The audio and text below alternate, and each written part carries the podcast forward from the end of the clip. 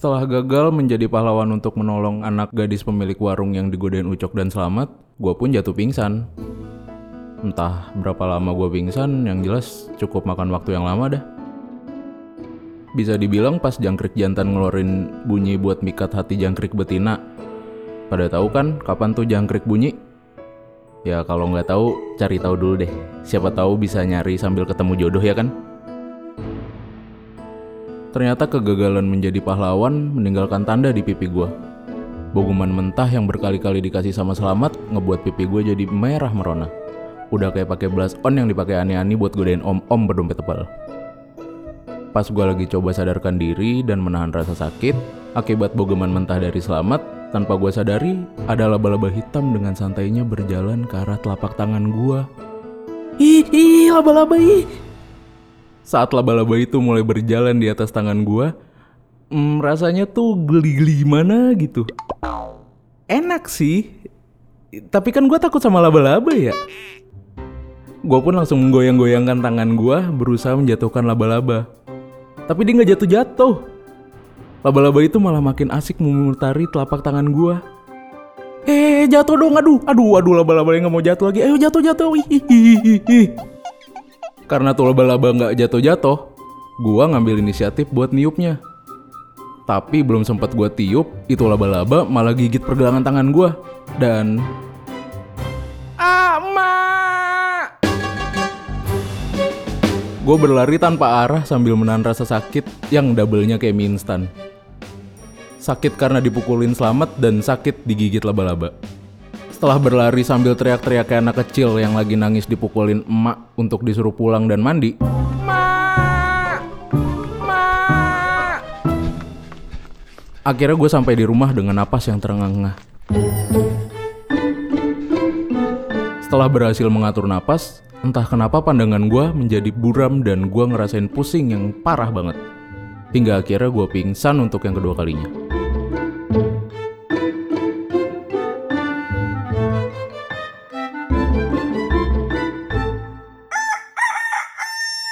Keesokan paginya, gua melakukan aktivitas seperti biasa yang udah gue lakuin selama bertahun-tahun. Beres-beres rumah, mencuci, menjemur, dan yang paling utama itu, dengerin ocehan nyokap. Bima, mau berangkat dulu ya, mau ngais nih. Lu jangan lupa belanja kayak biasa. Jangan kayak kemarin disuruh beli sawi malah beli kangkung. Eh dah ya, kuping lu masih waras kan gak congean? Masih, Ma, masih waras. Kalau masih waras ngapa lu kemarin beli kangkung kan beli sawi? Hehehe. Lupa, Mak. Eh dah lu mah ya, masih muda udah pikun. Mak aja yang udah tua nggak pikun. Ya udah, mak jalan dulu ah. Duit mak taruh di tempat biasa ya, di atas meja deket kompor. Ingat beli kangkung, jangan sampai lu beli sawi lagi. Lah, kangkung apa sawi ini, Mak?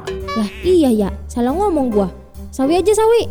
Ya udah ah, mak jalan dulu. Ingat pintu jangan lupa lo kunci ya kalau keluar. Iya, Mak. Ya udah, mak jalan dulu ah. Duit Setelah nyerocos tanpa henti, nyokap pun berangkat. Saat lagi asik-asik menjemur, terdengar dari kejauhan suara Ucok dan Selamat lagi godain anak-anak yang mau berangkat sekolah. Bah, rapi kali kau rupanya. Mau berangkat sekolah kau? Kupinjam topi kau ya. Om, jangan om. Balikin om. Tolong om, balikin dong. Bro, bro, dia menangis bro. Om, balikin om. Nanti aku dimarahin bu guru kalau nggak pakai topi pas upacara. Aku tak peduli. Eh, tole, gitu aja nangis. Ora cocok karo badanmu sang lemu. Anak itu pun melanjutkan perjalanannya sambil menangis, sedangkan Ucok dan Selamat tertawa.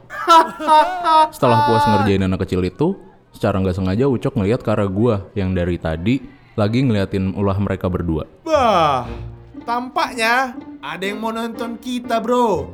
Sopo bro? Sopo yang nontonin kita bro? Itu si Ponga. Dari tadi nontonin kita. Gua pun langsung memalingkan pandangan dan berpura-pura nggak ngeliat ulah mereka. Namun kesialan tampaknya masih berlaku dan nyelimutin gua. Ucok ternyata sadar kalau dari tadi gua ngeliatin mereka berdua. Oh alah, si babi sitter tau rupanya. Gak puas apa kemarin udah kita hajar dia. Bro, bro, gimana kalau kita kasih pelajaran lagi dia bro? Bah, setubuh aku men. Setubuh aku. Eh, setubuh lagi. Setuju maksud aku. Ayolah, Met. Kita beri pelajaran sama dia. Hahaha. Mereka jalan ke arah gua.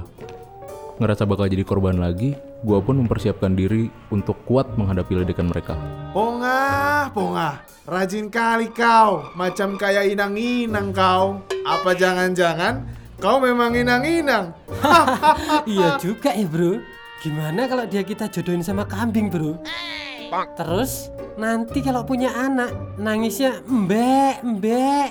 Merasa kesal karena terus-terusan diledek, gua pun mencoba memberanikan diri untuk melawan mereka. Tapi kalau menurut gue nih ya, yang sebenarnya cocok jadi perempuan tuh kalian berdua. Suka ngosip, terus suka ngomongin orang. Eh deh, gak kebayang deh kalau kalian berdua nikah. Sudah berani melawan dia, bro. Iya bro, wani-wani ini loh. Tante ini pisan untuk mungko. Wes kene tak hajare pisan. Merasa kesal, Selamat pun ngambil batu yang ada di dekatnya. Dan dia bersiap untuk melempar batu yang ukurannya nggak gede-gede banget itu ke arah gua. Hajar, Met. Rontokkan saja giginya, Met. Gua pun langsung mempersiapkan diri untuk menghindar dari lemparan batu itu. Saat batu itu akan terlempar, secara tiba-tiba sebuah jaring keluar dari tangan gua dan mengenai tangan Selamat yang ingin melempar batu itu. Aduh, ah, ih, aduh, Eh, aduh, bro. aduh, ah, ah, Keke, ah, aduh, kayak kenapa, bro? ah, ih. Melihat jaring yang keluar dari tangan gua, kita semua kebingungan. Terutama gua. Entah kenapa ada sebuah jaring yang keluar dari tangan gua. Meski kebingungan, tapi gue cukup senang. Karena merasa mendapatkan bantuan untuk melawan Ucok dan Selamat. Gua pun langsung memanfaatkannya. Gua arahkan tembakan jaring itu ke muka Selamat. Ucok yang biasanya terlihat sangar dan gagah, kali ini dia tampak ketakutan. Udah kayak anak kecil yang nyasar di mall karena maknya sibuk belanja. Gua pun mencoba memanfaatkan keadaan yang gua punya. Gua keluarin jaring dan gua tembakkan ke arah Selamat. Kini seluruh jaring menutupi tubuh Selamat. Kali ini gua tembakin jaring ke arah Ucok. Pertama gua tembak tangannya, Uh, kemudian kakinya, yang terakhir. Gua bikin ucok kayak selamat. apa ini? Aduh. Kemudian gue berjalan ngampirin mereka berdua sambil tertawa puas.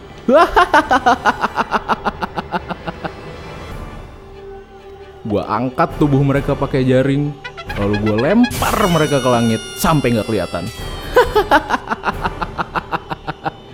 Saat sedang mentertawakan Ucok dan Slamet, tiba-tiba terdengar suara nyokap gue yang meneriaki nama gue berkali-kali. Bima! Bima! Bima! Saat gue sedang mencari di mana nyokap gue memanggil, tiba-tiba muncullah angin tornado yang cukup besar, menerjang gua disertai nyokap gua yang berteriak cukup keras. Bima! Gua pun bangun dari tidur sambil berteriak dan cukup terkejut ketika melihat nyokap gue berada tepat di samping gua sambil niup-niup ke arah muka gua. Dan ternyata yang dari tadi gua alamin itu cuma mimpi. Lu Bim Bim, udah tahu lagi dikompres, tangan bengkak, merah, terus keluar nanah, masih aja tidur sambil teriak-teriak. Tidur yang bener dikit apa? Udah tahu sakit, masih aja begitu lu mah. Eh dah ya. Bukannya nggak mau tidur yang anteng, Mak. Tapi kan tadi lagi mimpi, jadi nggak sadar. Lu kalau dikasih tahu masih aja ngejawab, bukan dengerin. Iya ma, maaf maaf maaf. Saat nyokap telah selesai nyerocos panjang lebar kayak tol Trans Jawa, tiba-tiba ada yang mengetuk pintu rumah gua dengan sangat keras. Gua sama nyokap saling bertanya lewat ekspresi muka. Ketukan pintu itu terus terdengar hingga akhirnya pintu rumah gue yang terbuat dari papan tipis itu roboh. Bentar bentar. Ini maksudnya apa nih? Lu pada datang-datang bukan yang ngucap salam malah rusakin pintu. Setelah itu, beberapa pria dengan badan berotot dan bermuka garang menghampiri gua dan emak. Terus malah nyuruh gua pergi di mari. Siapa lu? Lah, bagaimana ceritanya? Rumah-rumah gua ngapa lu ngusir? Lu pada sana yang pergi. Tapi sebelumnya lu benerin dulu tuh pintu gua. Perjuangan nyokap menolak untuk keluar dari rumah pun sia-sia. Mereka semua malah menarik paksa kita berdua keluar dari rumah. Gua yang sedang terkulai lemas dan nyokap yang udah tua pun gak bisa berbuat apa-apa lagi. Saat gue sedang tersungkur di depan rumah, gue melihat beberapa di antara mereka mengambil jerigen berisikan bensin dari mobil hitam. Pria berotot yang tadi memaki nyokap pun berteriak menyuruh bawahannya untuk nyiramin bensin itu ke rumah kita. Saat rumah kita udah dilumuri bensin, pria berotot dengan tato di lengan kanannya tersenyum ke arah kami. Kemudian, ia menyalakan korek api miliknya. Lalu ia lemparkan korek itu ke rumah kami. api perlahan mulai merambat dan membakar rumah kami. Dengan tatapan penuh luka, nyokap memandangi rumah yang menjadi satu-satunya harta. Isak tangis yang ditahan nyokap bisa gue dengar dengan begitu jelas. Hingga akhirnya nyokap mengambil suatu tindakan yang benar-benar di luar dugaan. Bima lari. Ia berdiri, lalu menghampiri pria berotot dengan tato di lengan kanannya. Mereka berdua saling tatap. Nyokap tampak begitu geram. Dia mengepalkan tangannya, sedangkan pria itu hanya tertawa. Satu pukulan yang tak bertenaga dilayangkan nyokap ke muka pria bertato itu. Mendapatkan pukulan dari nyokap, pria itu nggak tinggal diam. Tiba-tiba aja, ia juga memberikan pukulan ke arah nyokap. Aduh, kena tampol nih gua. Namun bukan satu pukulan, melainkan berkali-kali. Aduh, kena lagi dah gua.